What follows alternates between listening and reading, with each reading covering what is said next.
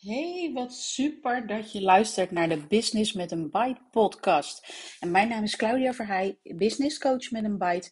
En ik wil je in deze podcast graag meenemen in mijn manier om volledig scheid te hebben aan alles en iedereen als het gaat om het bouwen van een succesvol eigen bedrijf. En hoe je een bedrijf creëert waar ja, de fun vanaf spat en wat nergens meer voelt dat werken. Dus let's go.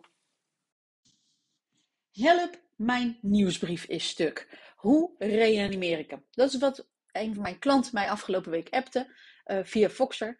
Um, ze heeft best wel een uh, aardige uh, hoeveelheid mensen op haar mailinglijst staan.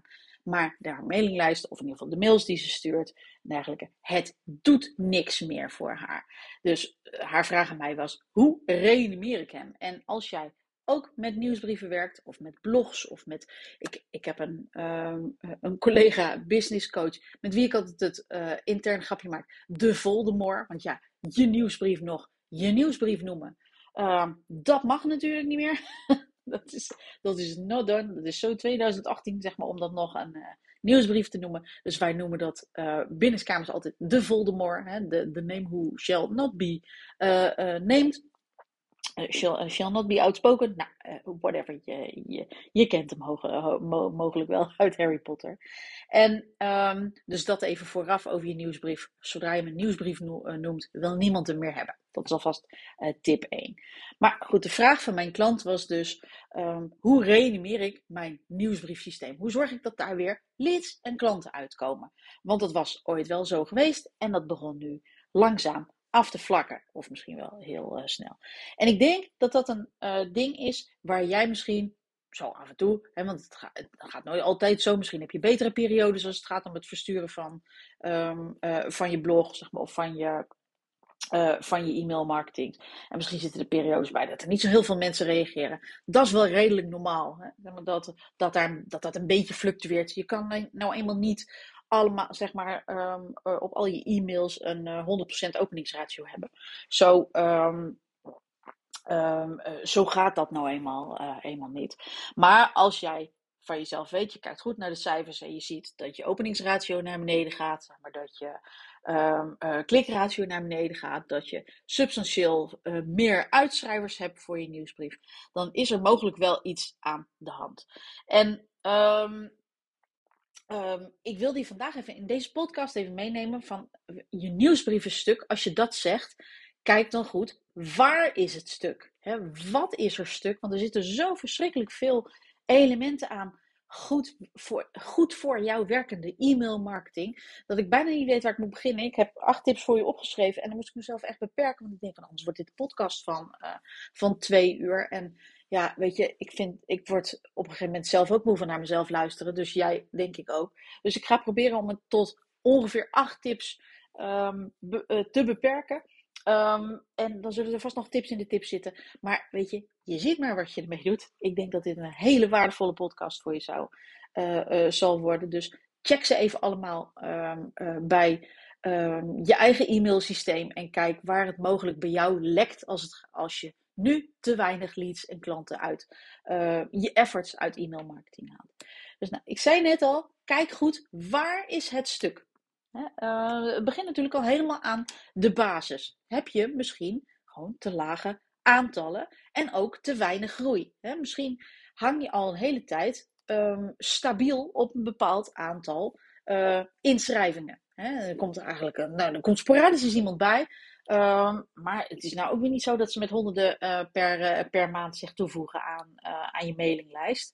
Um, dan is dat al een eerste signaal. Op het moment dat je weinig groeit met je mailinglijst, dan stuur je dus steeds nieuwe content naar dezelfde mensen. Ja, en hoe gaat dat in e-mailland? Mensen blijven een tijdje bij je. Zeg maar, die zijn uh, op een zeker moment heel erg engaged, dan weer wat minder, zeg maar, en dan weer wat meer. Maar op een zeker moment, zeg maar, zijn mensen echt wel verzadigd als het gaat om wat ze van jou willen leren, wat ze van jou willen lezen, wat ze van jou willen horen.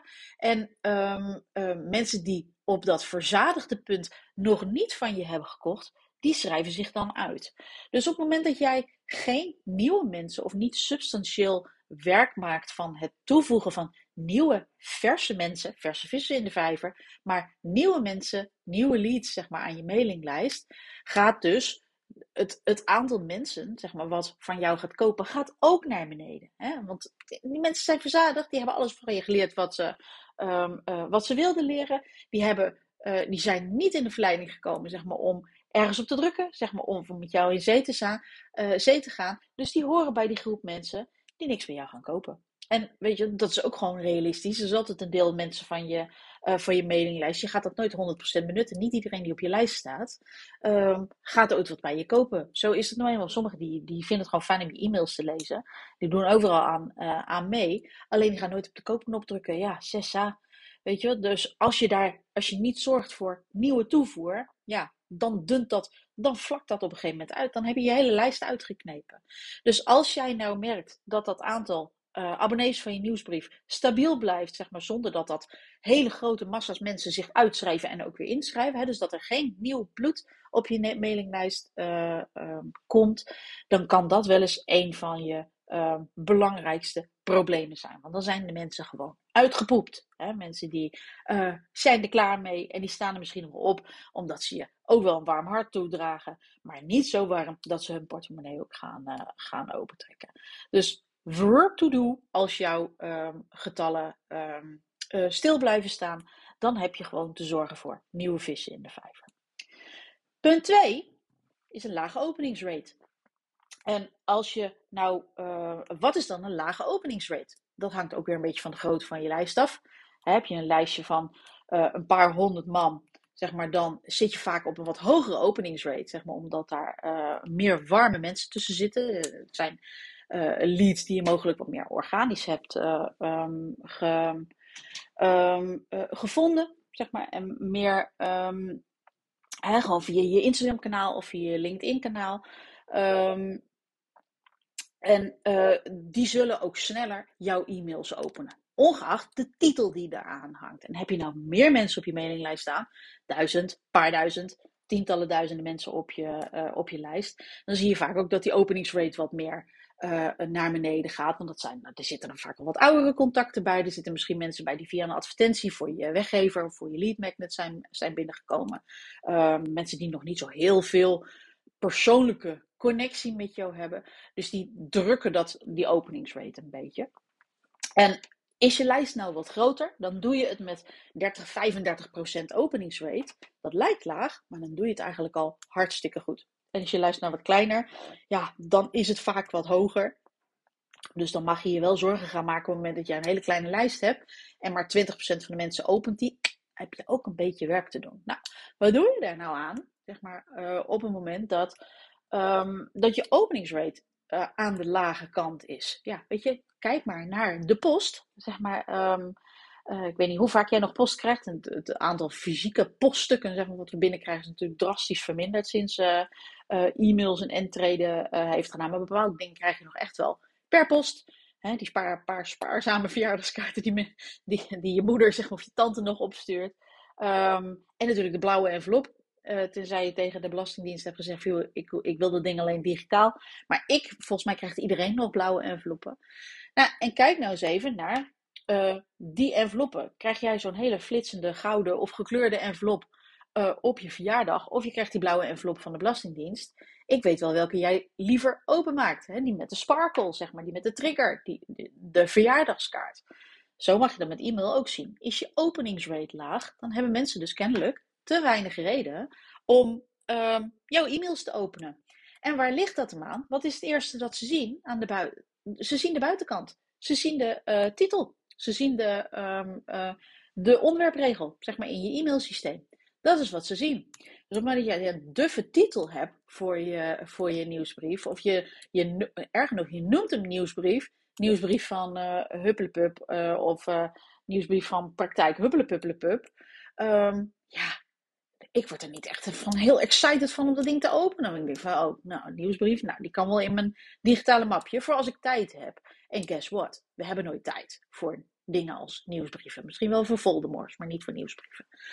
Dus zorg dat je, um, als je uh, lage openingsrate hebt, moet je dus zorgen dat meer mensen jouw titels gaan uh, uh, klikbaar vinden. Dus dan heb je werk te doen aan de titels en aan de onderwerpregel. maak die een beetje spannend. Zorg dat je er een, een, een uitdagende vraag in stelt. Ehm, eh, eh, zorg dat je er in prijs geeft zeg maar, wat uh, triggert, zeg maar, welke how-to's zeg maar, of welke oplossingen voor hun relevante probleem zij in die e-mail gaan, gaan vinden. Zorg dat ze nieuwsgierig worden. Hè? Maak mensen een beetje nieuwsgierig. Zorg dat mensen een beetje op het verkeerde been worden gezet. Echt zo'n, ik noem dat altijd de what the fuck. Dat ze denken van, hè? Wat bedoelt ze nou? Weet je, dat je, dat je ineens als, als Instagram-ondernemer zeg maar een, een nieuwsbrief stuurt over kaasnietsels of zo, weet je wel? gesmolten kaasnietsels, weet je wel? En toen liep de gesmolten kaasnietsel over mijn schoenen. Dat mensen denken, waar mailt ze nou over? En dat ze alleen daarom al gaan klikken. Hè? Doe dat niet iedere keer, want op een gegeven moment worden mensen natuurlijk dat ook beu. Maar je kan er best af en toe, doe ik ook af en toe, zeg maar even een bizarre titel tussen. Mensen denken, nou, ik, ik weet niet waar dit over gaat, maar dit wil ik weten. En dus zorg altijd dat je titels van het niveau zijn, dit wil ik weten. En hoe toets je dat nou het beste? Kan je op twee manieren doen bij je uh, klanten toetsen. Je kijkt in je systeem welke titels zijn uh, het meest geopend. Je um, houdt rekening uh, en daar borduur je op voort met volgende titels. En die bouw je op dezelfde manier op. Je kan ook een check doen, zeg maar, in bijvoorbeeld een zoekwoordencheck. Waar zoeken mensen op um, als het gaat om, um, om Google, zeg maar, en de problemen waar jij mee helpt in, in je business? Datgene wat ze in Google invoeren, als je daarop een antwoord geeft of een trigger naar het antwoord geeft in je, uh, in je onderwerpregel, gaan mensen hem ook openen. Die denken, hey, hier zit een oplossing in voor mijn probleem, dit wil ik lezen. Um, of als je mensen inderdaad zo triggert dat ze hyper nieuwsgierig worden. Dingen met een, met een korte opsomming uh, doen het ook altijd goed. Hè? Met, dit zijn de vijf dingen die, dit zijn de drie dingen. Zo, deze drie inzichten had ik, vinden mensen lekker overzichtelijk. Hè? Maar dan weten ze ook gewoon van tak, tak, tak, kan ik afstrepen zeg maar, in, uh, in deze e-mail. Maar zorg dat duidelijk is in je onderwerpregel, what's in it for me? Of dat het dus helemaal niet duidelijk is en dat mensen alleen daarom maar gaan drukken. Dus lage openingsrate is werk aan de winkel met je uh, titels. Nou, dan heb je nog zoiets als een click rate. Ik weet niet of je daar wel eens naar kijkt als je um, je e-mail uh, systeem zeg maar, of je e-mail marketing evalueert. Maar waar ik ook altijd naar kijk is een um, is de click rate. Zeg maar, is de click rate een beetje zeg maar, zoals ik die uh, graag wil dat die is. Zeg maar. En hoe groter je lijst, hoe lager ook weer de click rate. Ik heb daar geen officiële getallen van. Um, maar ik vind het eigenlijk wel, um, uh, wel oké, zeg maar op het moment dat tussen de 5 en de 10 procent van mijn uh, uh, nieuwsbrieflezers, zeg maar van de daadwerkelijke openers, ook daadwerkelijk klikt op de, uh, op de call to action. Dat kan vast hoger, zeg maar, maar mijn call to action zijn niet altijd even, even hard. Zeg maar, ik neem in iedere nieuwsbrief of in iedere Voldemort neem ik een call to action op. Dus mensen hebben vaak die call to action ook al wel gezien. Um, maar je wil bij je click rate, is je click rate nou laag of klikken mensen nauwelijks zeg maar, op de, de call to action, hè, op bijvoorbeeld het aanbod wat je doet voor een webinar of voor een workshop of iets dergelijks. Klikken mensen nu nauwelijks op, um, uh, uh, op de link, zeg maar op de call to action die jij in je nieuwsbrief hebt opgenomen? Kan dat dan twee dingen liggen? Kan er meer dingen liggen, maar dit zijn de meest voorkomende. Heb je wel een duidelijke call to action opgenomen in je, um, um, uh, in je nieuwsbrief? Of zit die een beetje verstopt? Weet heb je bijvoorbeeld een duidelijke button erin opgenomen? Leid je er op een duidelijke manier uh, naartoe dat het echt duidelijk is? Van, klik hier, uh, meld je hier aan door deze link te volgen. En dus is het echt Jip en Janneke duidelijk? Of is het een beetje verstopt? Dan zeg je van, nou, je zou hier kunnen klikken, maar hoeft niet hoor. Dus ben je directief genoeg? Dat is, dat is één. Tweede is, um, uh, is duidelijk genoeg, what's in it for them? He, zeg maar, is het je um, lezer duidelijk genoeg wat het resultaat voor ze is, of wat er aan de andere kant van de klik ligt, um, en wat er gaat gebeuren op het moment dat ze op die link klikken. Op het moment dat jij zegt, joh, doe vooral mee aan mijn challenge, maar je zegt niet waarom dan, of wat die tijdsinvestering, want dat is natuurlijk vaak bij een, een, een challenge show, als je een challenge organiseert, dan kan je wel denken van ja, er klikt niemand, maar het is toch gratis? Hoe dan? Um, het is niet gratis in tijd. Dus mensen willen weten waar ze hun tijd aan gaan besteden en wat dat ze op gaat leveren. Tijd is vaak voor mensen nog kostbaarder dan geld. He, uh, ik geef ook liever 100 euro uit zeg maar, aan iets wat me daardoor geen tijd kost, dan dat ik 100 minuten aangeef aan iets wat gratis is. En dat mag je je altijd voorhouden. Tijd is ons kostbaarste goed, uh, uh, goed geworden. En dat werkt voor jouw klanten ook zo. Dus heb je duidelijk genoeg gemaakt. What's in it for them? What's in it for me? Dat is wat je uh, lezer wil weten. En dus ook duidelijk genoeg gemaakt in hoe klikken op die link, zeg maar, of zich aanmelden voor jouw webinar of voor datgene wat je hebt aangeboden, dat op gaat lossen. Mag je kristalhelder in zijn. Dan nog, ik zei dat ik er twee ging noemen, ik ga er eigenlijk drie noemen. Is het wel, heb je in datgene wat er onder de klik zit, wel het juiste aanbod zitten voor uh, datgene waar je, um, um, waar je um, uh, op aan hebt gestuurd, zeg maar, in, in je nieuwsbrief. Hè? Of voor de, voor de mensen waarop je je richt. Je zal de eerste niet zijn die in een nieuwsbrief gewoon continu haar volledige traject promoot. Hè? Via me kom bij me praten. En dan gaan wij tien maanden lang iedere week met elkaar twee uur samen zitten. En ik al, godske leren. Dus dat is heavy, daar ga ik mooi niet op drukken. Dus zorg dat de call to action die je daarin zet, dat dat toegankelijk is voor je lezer.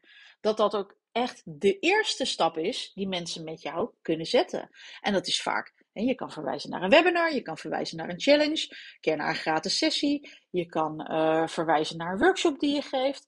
Uh, maar het kan ook nog laagdrempeliger. Als je denkt van nou, mensen moeten mij wat, nog wat beter leren kennen. Want die zitten er ook op je nieuwsbrief. Hè? De mensen die vers op jouw nieuwsbrief zitten, die hebben gewoon echt nog wat meer werk te doen soms. Om jou beter te leren kennen voordat ze überhaupt ergens aan, je, uh, aan een van jouw producten gaan meedoen. Dus ja, weet je, je call to action kan ook gewoon zijn. Luister mijn podcast. Uh, check deze YouTube video. En dat je dan van daaruit weer een volgend stapje zet. Maar knal niet in iedere nieuwsbrief, lanceer niet in iedere nieuwsbrief opnieuw je traject à 2000 euro. Want ja, dan schrijven mensen zich natuurlijk ook met een, met een bloedgang uit. Dus kijk goed, is het op dit level, zeg maar voor de, waar de mensen nu zitten, het juiste aanbod? En dan kan je natuurlijk van alles nog doen met segmenteren. Hè, dus dat je Um, uh, dat je verse inschrijvers een ander aanbod krijgt. Of een, uh, dezelfde nieuwsbrief met een andere uh, call to action. Zeg maar dan de mensen die al wat trouwere fan van je, van je zijn. dat zou je allemaal kunnen doen. Ik doe dat niet per se. Zeg maar omdat je ja, nooit weet. Sommige mensen die staan twee jaar op mijn lijst en schrijven zich dan in voor een gratis ding. En andere mensen die staan twee uur op mijn lijst.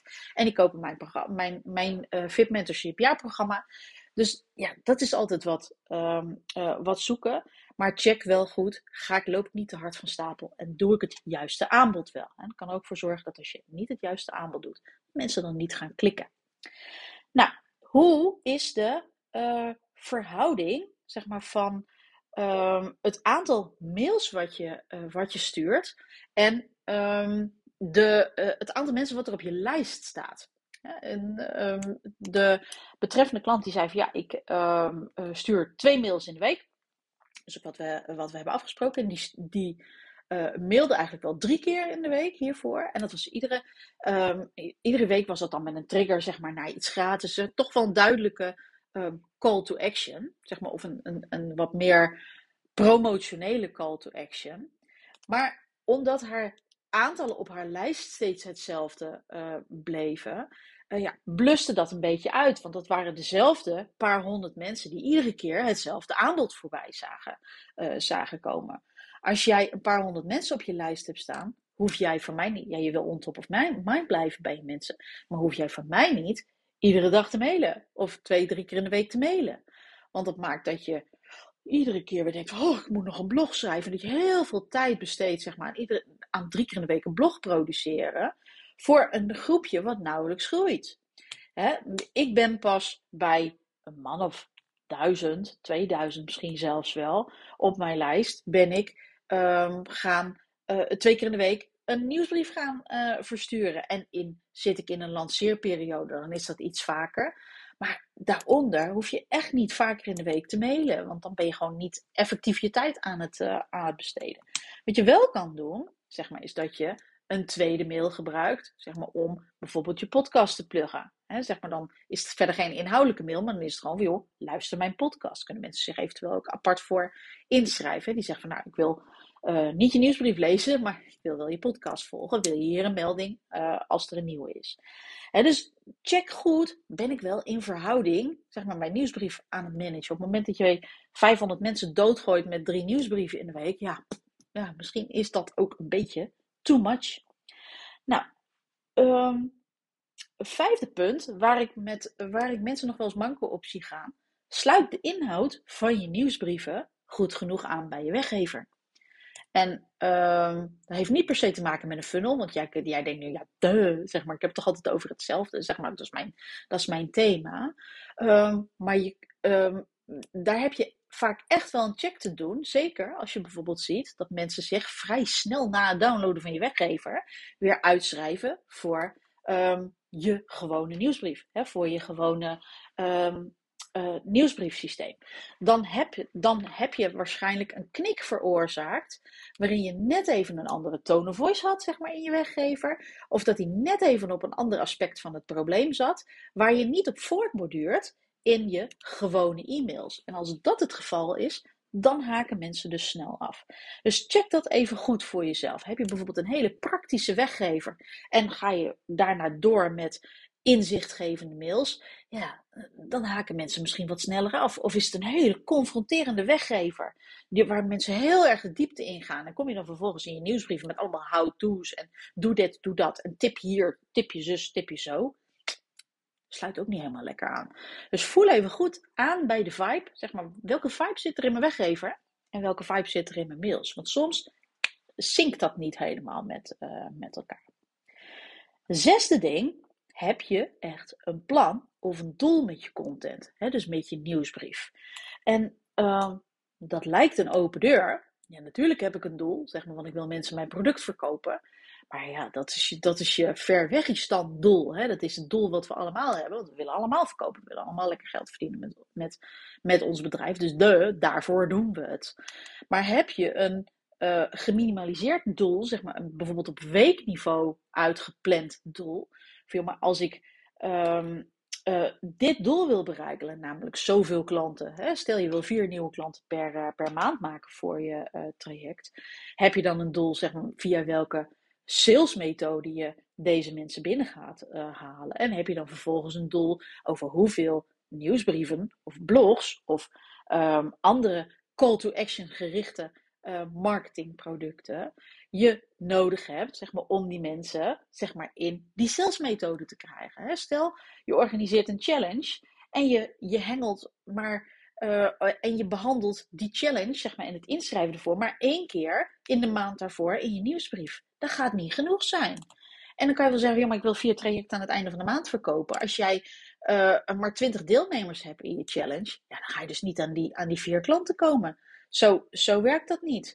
Dus kijk ook goed naar, en dat heb ik een doel. Ik bekijk per e-mail, zeg maar, ik kijk altijd natuurlijk vooruit, zeg maar, wat wil ik de komende maanden allemaal promoten. En niet promoten op een kom, kom hier je bloemkolen halen, maar gewoon wat heb ik te positioneren, zeg maar, in mijn e-mails. En hoeveel e-mails gaan dan waar over met welke call to action. Dus ik heb voor iedere nieuwsbrief, in iedere week, zeg maar, heb ik een aantal momenten geplot in mijn kalender. Hè, gewoon in mijn, uh, mijn dataoverzicht. Deze e-mail moet hier naartoe verwijzen. Deze moet daarop aansturen. Zodat ik exact weet hoe ik waarop kan aansturen in, uh, uh, in mijn nieuwsbrieven. En dat is waarom ze ook zo goed voor me werken. Want ik weet exact, zeg maar, wat ik. En dan wordt het een, een invul, invuloefening. Zo, lekker woord is dat. En dan wordt het een invuloefening. In plaats van dat je iedere keer weer opnieuw moet gaan zitten bedenken. Oh, waar moet ik het nou weer over hebben? En hoe moet ik in vredesnaam dat bruggetje maken? Als je ook een contentdoel voor jezelf neerzet. Vind dit zijn de vijf thema's waar ik het altijd over heb. Met dit bruggetje, op die manier sla ik het gat. Of maak ik mijn klanten duidelijk dat ze hier echt hulp bij nodig hebben. Zeg maar, en dat dat onwijs lastig is in je eentje. Heb je, dat, heb je die frustratie ook niet? Want dan kan je gewoon zeggen van, oh, nou, weet je, ik ga het een beetje afwisselen. En ik doe dan onderwerpje B en onderwerpje A en onderwerpje C. Dat mix ik door elkaar. Dus zo weet je altijd, zeg maar, waar het over mag gaan. En waar het naartoe mag leiden.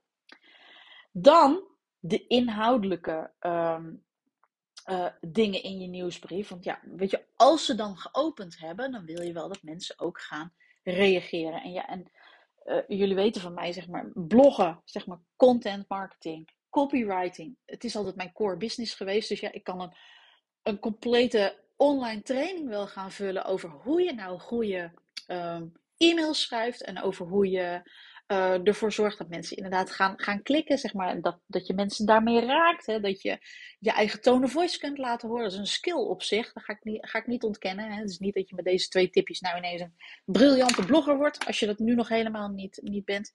Sorry to, to break it to you. Maar het is. En, um, maar dit zijn wel de twee belangrijkste dingen die ik je voor nu even mee wil geven. En denk je nou van, oh Claudia, dit is echt iets wat ik niet beheers. Stuur me dan gewoon even een DM'tje via Instagram, zeg maar, of reageer um, ergens waar je me dan ook maar van, uh, van kent.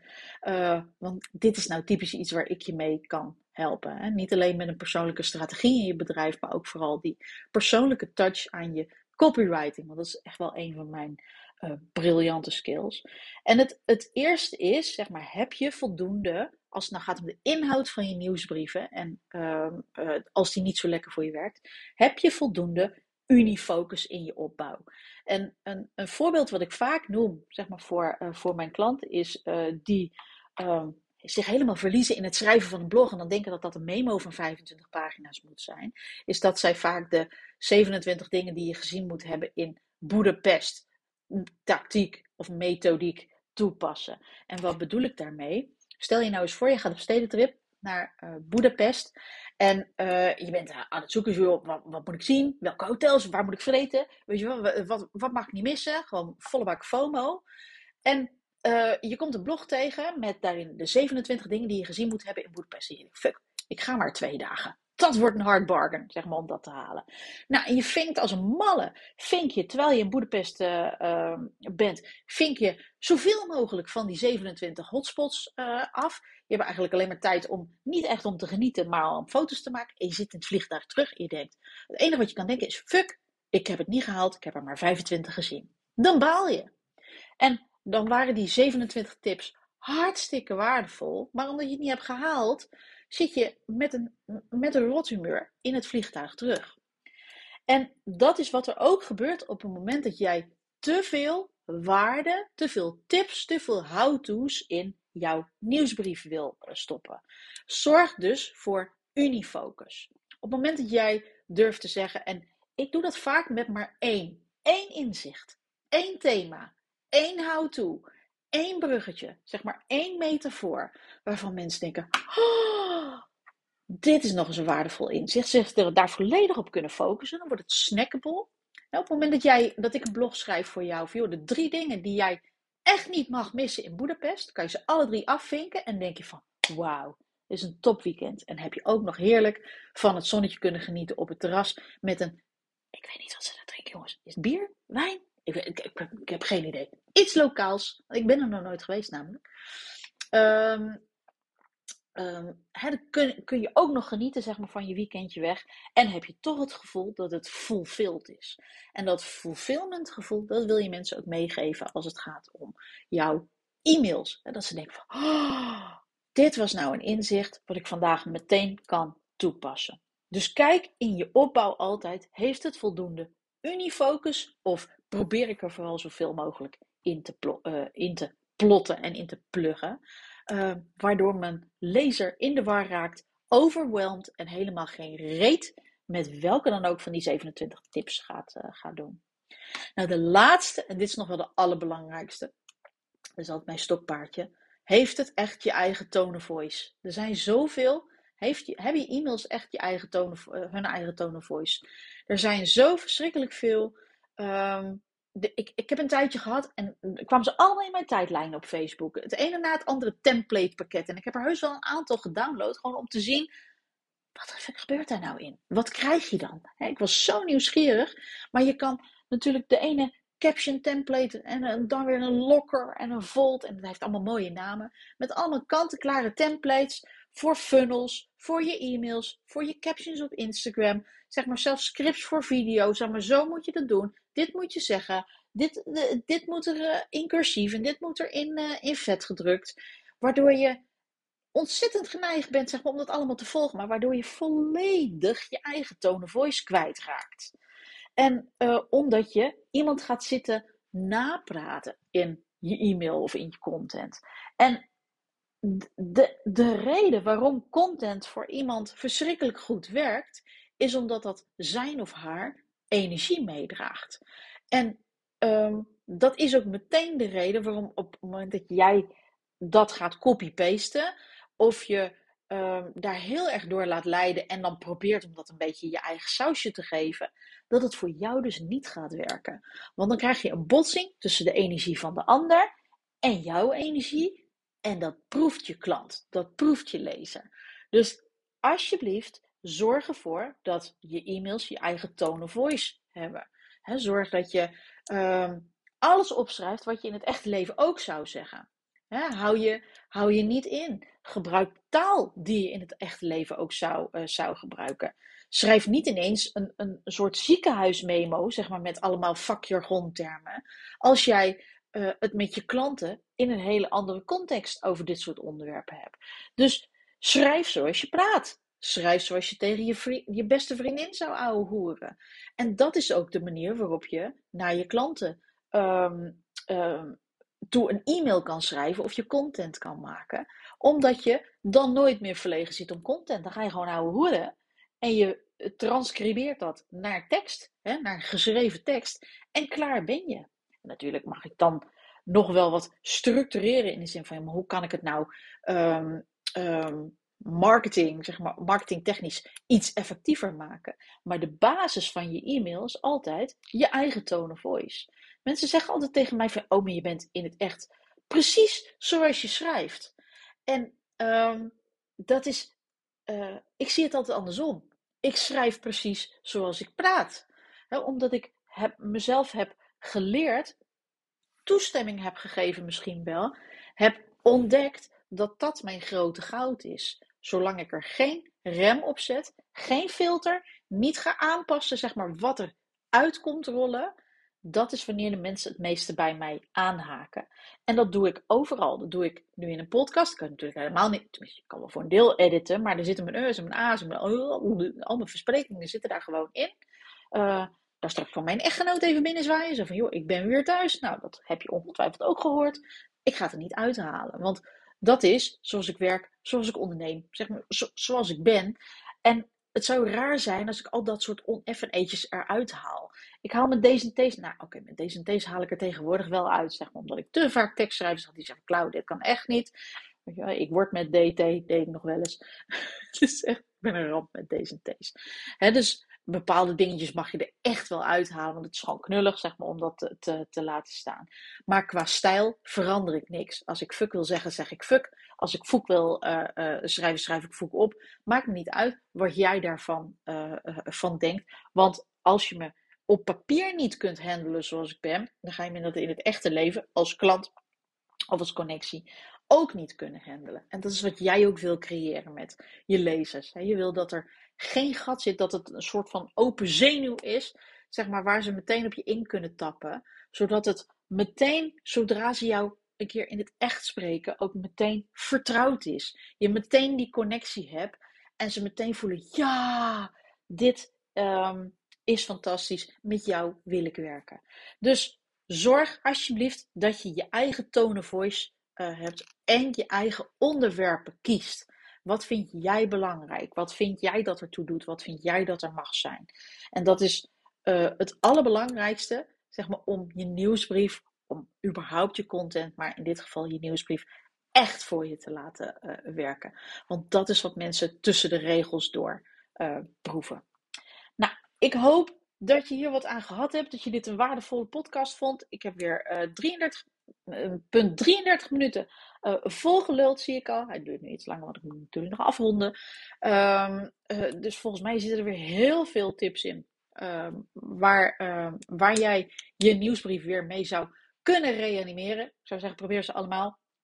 En laat het me vooral even weten als iets je nou getriggerd heeft in deze podcast. Hoor ik heel graag van je wat dat nou was, zeg maar. En waarvan je denkt, oh, Fik Verheijn, heb je wel gelijk in. Dat doe ik eigenlijk nog niet zo lekker. Of daar is voor mij werk aan de winkel. En als je mijn hulp hierbij nodig uh, uh, hebt, laat het me dan gerust weten. Schiet me even aan in de DM op Instagram, zeg maar, waar je me dan ook maar het liefste volgt of leest of beluistert.